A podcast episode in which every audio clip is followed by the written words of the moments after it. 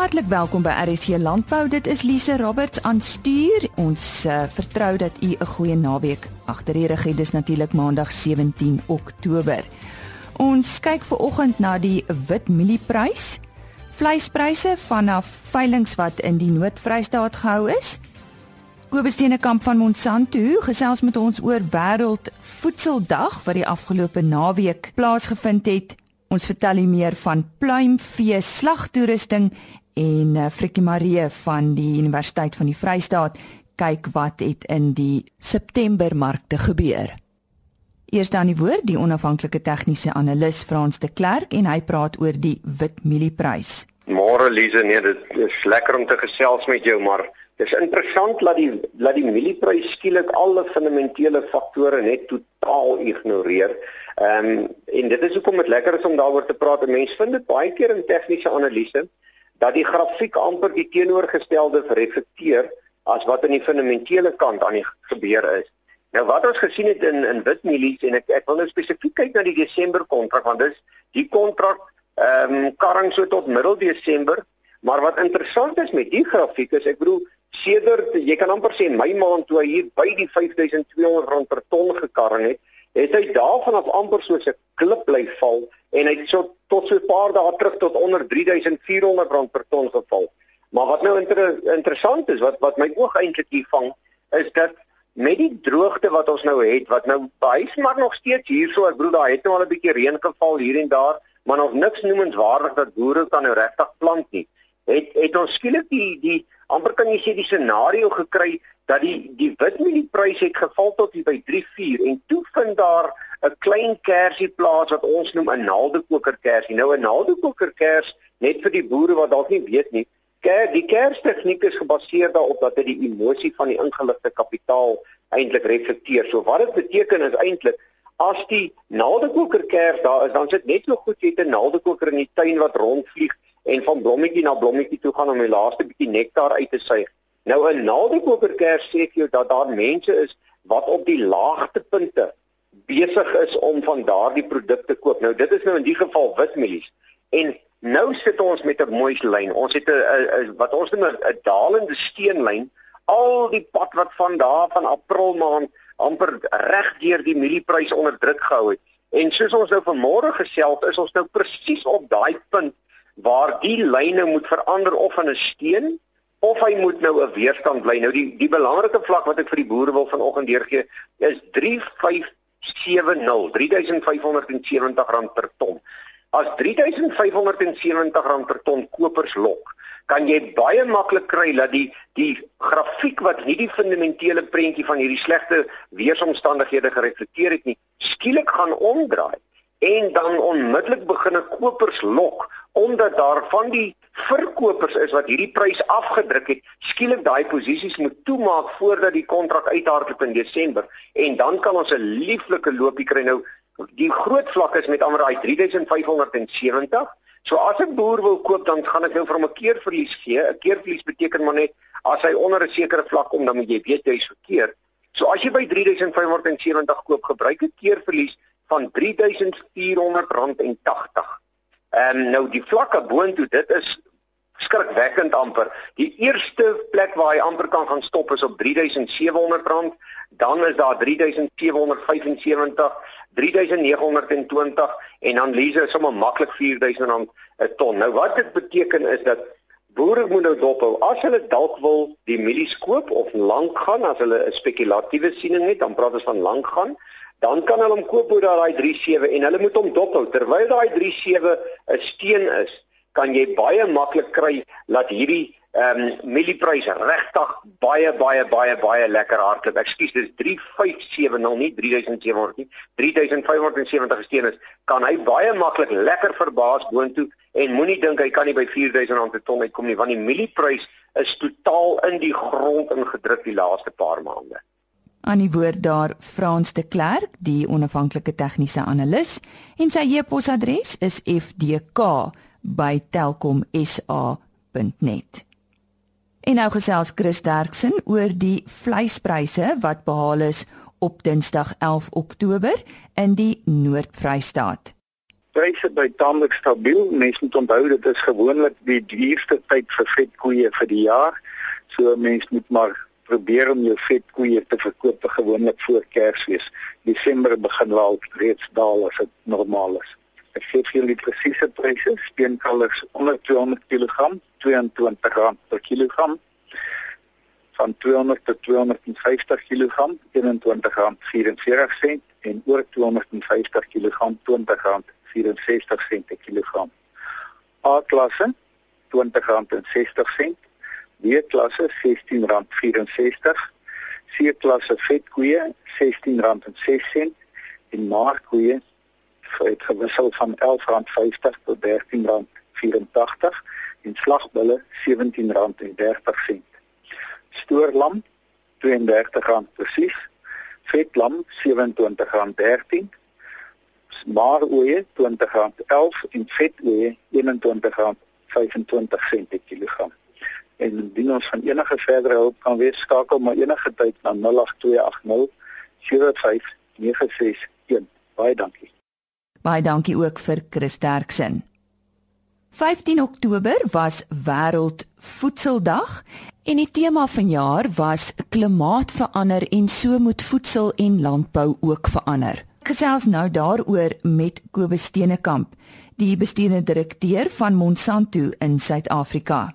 Ja, so ek dink dit is al um, dit is nou die amptelike tema wat hierdie uh, wêreldvoedseldag organiseerders gekies het en dit is 'n baie relevante tema ook as ons kyk wat wat vandag gebeur in Suid-Afrika waar waar ons ook blootgestel is aan 'n veranderende klimaat, ek sê dit op die oor die kort termyn of oor die langer termyn is. En dan natuurlik wat ons dan met hulle saamstem is dat ons sal die manier wat ons voedsel moet produseer, die manier hoe ons um, hoe ons uh, te, te te werk gaan met die lande waar ons die voedsel produseer, sal dan moet verander ook by hierdie veranderde omstandighede om dan uiteindelik ook te verseker dat ons voedsel volhoubaar kan produseer. En ons weet self uh, dit is een gedeelte waar ons as maatskappy dan voel ons kan 'n bydrae lewer, maar dis ook weer eens belangrik om te noem dat daar 'n uh, uh, uh, string ander maatskappye ook is wat dan dieselfde visie nastreef om ook te, om ook dan ons produsente te help om op 'n meer volhoubare manier voedsel te produseer. Jy praat van verander. Nou wat moet ons verander? Ja, ek dink wat wat belangrik gaan wees en, en net so 'n bietjie met die agtergrond, ons weet daar's 'n geweldige hoeveelheid kinders wat wat daagliks en en weekliks en jaarliks sterf as gevolg van uh van die feit dat hulle te min voedsel ontvang. Maar dis ook baie keer die geval dat dit dat dit voedsel is wat dalk nie die die regte voedingswaarde het nie. En dan dis een een aspek waarna gekyk word ehm um, die sogenaamde feit dat die voedsel reg gestoor moet word. Want ons weet ons kan baie voedsel gaan produseer, maar ons is nie gaan seker maak dat dit ook reg gestoor word nie. Gaan ons ook kan nie heeltemal heeltemal slag daar nie. Ek dink die die fokus as ons terugkom weer by die by die produksie van van voedsel hoe dit hoe dit moontlik kan verander. Gaan dit natuurlik daaroor om dit op 'n volhoubare manier te doen. Uh dit gaan daaroor uh en ons staan sterk daarbey ehm um, dat ons moet sê ons moet meer voedsel uh produseer met minder. Ehm um, so dit beteken ons moet produktiwiteit gaan verhoog uh en daarmee saam dan die volhoubaarheid. Ons weet as ons gaan kyk na die ehm um, dit kan met die produktiwiteit maar met die minder bedoel ons dan ons sal minder insette moet gebruik. Die insette kan wees uh, water of dit nou besproeiingswater is, dit kan wees dat ons dalk in die toekoms gaan sien dat ons minder bemestingsstowwe moet gaan gebruik. So dit is waaroor dit gaan dat ons dit met minder gaan doen, maar so ook het ons 'n groot verantwoordelikheid dat ons ook dan die grond wat ons uh, wat ons mee besig is, laat ons gaan kyk dat ons dat ons dit so effektief moontlik doen dat ons daardie uh, biologiese stelsels ook in balans kan hou sodat ons nie nog ander hektare moet gaan omploeg om dan by te hou by die hoeveelheid voedsel wat ons moet produseer in die toekoms nie. En wat doen ons as ons nou nie water het nie? Het julle ook daaraan gedink? Ja, ja dit is natuurlik uh, in in landbou in Suid-Afrika word baie keer beskuldig dat ons dat ons te veel water gaan gebruik. Ek dink wat belangrik gaan wees is ehm um, uiteraard as daar nie water is nie, dan dan is ons almal te lewend in gedrang en sal ons nie voedsel kan produseer nie. Maar ek dink in die aanloop Ehm um, tot hierdie droogte het ons geweet ons moet vroeër begin met met seker besparingsmaatreëls en in, in die geval van 'n van 'n plaas gaan dit dan natuurlik oor skedulering. Ehm um, ons het van ons projekte waarmee ons besig is, uh, kyk ons na die skedulering uh, van ons uh, in veral in die gevalle waar ons saadproduksies doen om seker te maak dat ons nie uh, oorbesproei nie en dan dat ons nie te veel water gee nie en dat dit ons elke keer op die regte tyd daardie water gaan verskaf. Nou baie van hierdie word natuurlik reeds vandag uh, deur besproeiingsboere gebruik, maar dit is definitief iets waar ons dan nog kan kan gaan prioritiseer ehm um, sodat ons dan die regte hoeveelheid water die regte tyd kan gee sonder dat daar vermorsing van plaasvind. Nou is te midde van die droogte nou is dit soveel meer belangrik, maar soos ek net genoem het, ehm um, dit gaan weer reën ehm um, en die damme gaan weer vol word, maar ons sal dan moet seker maak dat ons daai water wat ons beskikbaar het, dan so effektief moontlik gebruik. Ek wil bietjie teruggaan na kinders toe en ek weet een van die uh tekorte is veral 'n Vitamiin A. Wat doen julle om om hierdie uh behoefte ook aan te spreek en uh, dan as ons in in ag neem die kritiek rondom die GMO gewasse 'n uh, uh, brei bietjie vir ons daarop uit. Ja, ek dink dan um, soos ons weet vandag min of meer so 86% van al die die graan of mieliegraan wat in Suid-Afrika verbou word, bevat een van die van die sogenaamde biotehnologie eienskappe. So ons fokus nou baie sterk daarop op die uh, om dit wat dit vir 'n boer makliker gaan maak om om, om landbou te beoefen, deur sekere plase te beheer. Maar 'n groot aspek rondom rondom biotehnologie is natuurlik ook te gaan kyk hoe kan mens die voedingswaarde van van van gewasse verbeter. Nou, ons is nie nou op die stadium direk uh, betrokke daarbey in Suid-Afrika nie. So ons kyk nie spesifiek om om uh, Vitamiin A vlakke ensovoorts uh, te verhoog nie. Maar ek dink uiteindelik waar ons almal uh, 'n uh, rol speel en en dit sluit ook nou aan by die die onlangse blompplan daar wat ons gehad het is om om om te help om ons gemeenskappe ehm um, um, op te lei en bloot te stel en basiese kultuur te skep van van reg eet uh en dan ook spesifiek te gaan kyk na watter watter bome kan jy plant om jou te help om hierdie hierdie ehm um, vitamienvlakke ook dan ook dan aan te vul. Nou ons kyk byvoorbeeld hierdie week ehm um, gaan ons so wat 14 skole ehm um, gaan ons dan min of meer 400 bome plant ehm um, in hierdie gemeenskappe ehm um, by verskeie skole van sover uh as Potterville, Senekal en dan ook hier so in Gauteng. En van hierdie bome wat ons gaan plant ehm um, gaan oor die langtermyn wees om hout van te benut. Dit kan wees om skade te verskaf, uh, maar dan ook om om sekere vrugte te kan produseer. Natuurlik uit die vrugte uit sal jy ook dan belangrike vitamiene uh, kan kry. So ek dink baie keer en dit is nou 'n klein voorbeeld. Ek dink baie keer dink die mense dit iets groots wees 'n nuwe biotehnologie eenskap uh, wat nodig gaan wees om om hierdie probleme aan te spreek. Maar baie keer is dit 'n kleiner oplossing uh, wat ons kan aanwend uh, om te help bydra tot hierdie probleem. Die bestuurende direkteur van Monsanto Suid-Afrika, Kobus Steenekamp. Dis nie altyd maklik om 'n boer te wees nie. Daarom het Bayer besluit dis hoogtyd dat jy die boer bedank word vir jou ondersteuning en die kos wat jy daagliks op ons tafel sit. Bayer stel graag sy reuse Bayer Dankie beloningsprogram bekend, die eerste van sy soort vir die Suid-Afrikaanse boer. 'n Paar tawwe pryse gaan weggegee word, 'n Toyota Land Cruiser, 'n viertrek motorfiets, doseerprogramme en vele meer ter waarde van bykans 1 en 'n half miljoen rand. Hou die pers maandeliks dop vir ongelooflike pryse, gratis produkpromosies, krap en wen promosies en nog vele meer.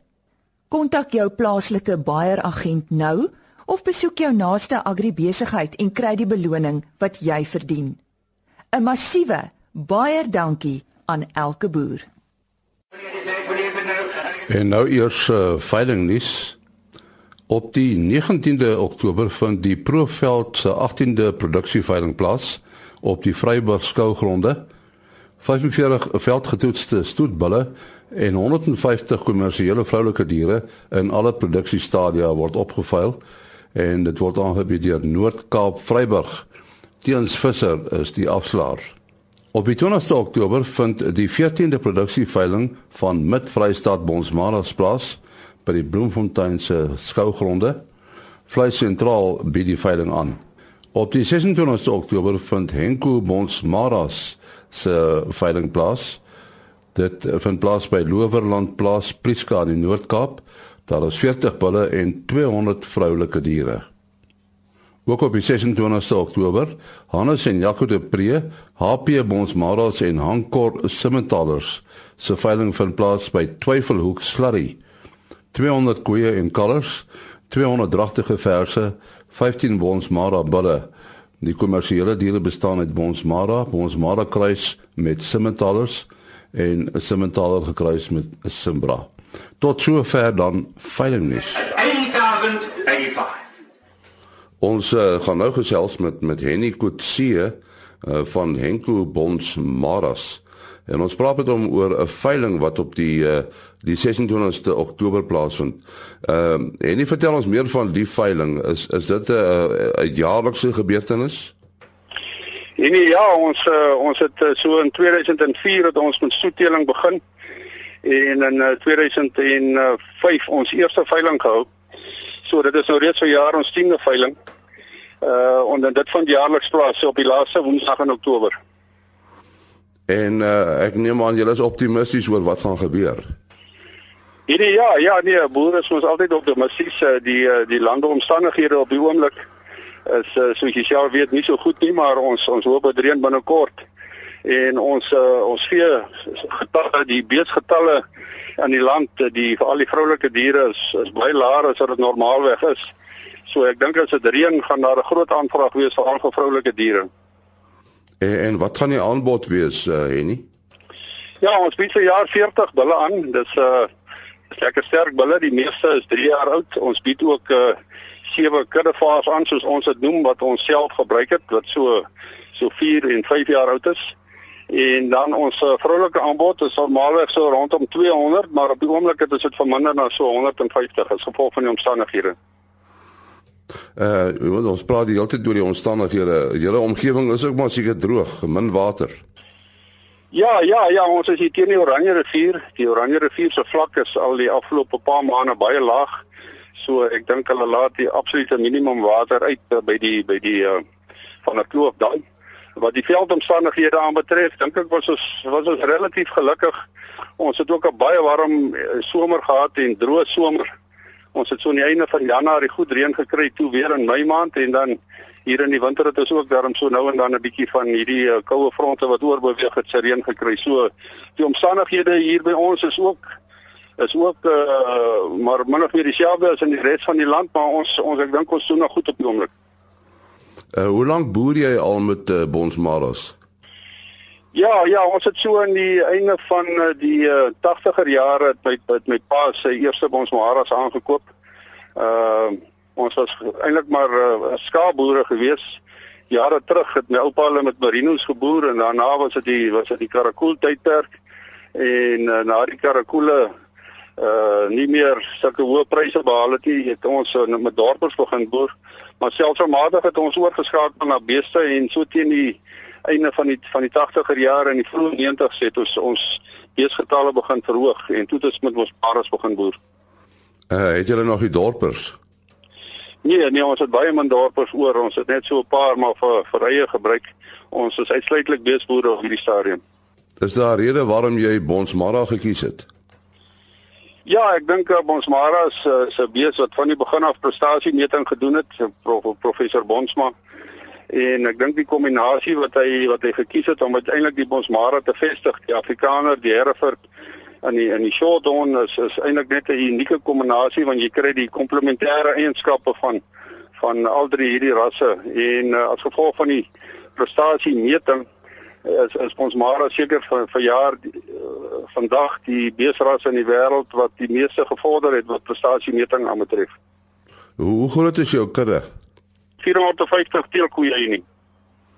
Uh goed, dit vind in 26 Oktober plaas. Hoe laat begin dit en waar vind dit plaas? Uh die veiling begin om 11:00 en dit dit vind plaas op ons plaas Lowerland. Dit is so 46 km vanaf Prieska, langs die Oranje rivier. Kan jy miskien 'n telefoonnommer gee wat mense kan bel? Ja, my telefoonnommer is uh, 083 701 1512. Dan sê die telefoonnommer van Henny Kotse. Uh dit is 0837011512. Die Henko Bonds Mara stoetveiling op die 26ste Oktober. Ek het tydens my besoek aan die Alpha Expo by die Afridome in Parys met Freddy Share gepraat. Hy is van JF Equipment Machinery en hulle spesialiseer in pluimvee slag toerusting. Uh kompleet van waar die hoenders inkom tot waar hulle verpak word en uitgestuur word vir vir, vir verkope en waar dit uitgaan na restaurante toe. Nou pluimvee slag toerusting, is dit 'n plaaslik vervaardigde toerusting? Al die toerusting wat ons hier doen is plaaslik vervaardig. Um, ons het 'n groot werkswinkel in Rodepoort waar ons alles self maak. Ons het masjinerie wat wat wat alles doen en ons het gekwalifiseerde ambagsmanne wat al hierdie toerusting maak. Nou as jy nou dink aan 'n pluimvee abattoir, want dit is eintlik maar wat dit is. Is ek reg? Yes, dis ja, wat dit ja, is. Hoenders. Ja. ja. en is dit net hoenders? Ehm um, ons ons groot mark is die hoender, is die hoenderbedryf en goed. En nou Kerstyd met kalkoene? Ehm um, nee, ons doen nie die kalkoene nie. nou as jy nou kyk na die toerusting, julle is nou seker al 'n paar jaar in die bedryf. Uh waar's die grootste ontwikkeling? Uh ons is so amper 25 jaar in die bedryf al. Uh ons is die grootste verspreider van die toerusting in Suid-Afrika.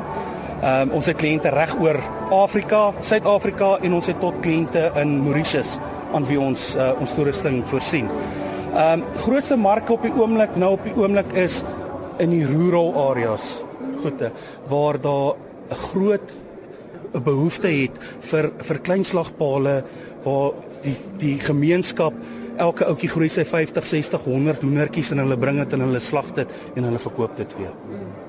Maar die toerusting as sulks wat wat nou hier om ons staan uh, die ontwikkeling uh, van die toerusting as jy al 25 jaar in die bedryf was dan het iets soos byvoorbeeld die masjien wat hier aan my linkerkant staan julle verbeter heeltyd op die toerusting elke jaar ehm um, wat ons doen is is ons identifiseer as ons sien as ons, as ons iets gemaak het te goede ons probeer altyd elke jaar maak ons verbeterings op die masjiene en goede en as ons iets sien dat dit dat dit bietjie beter kan werk verander ons dit onmiddellik hmm.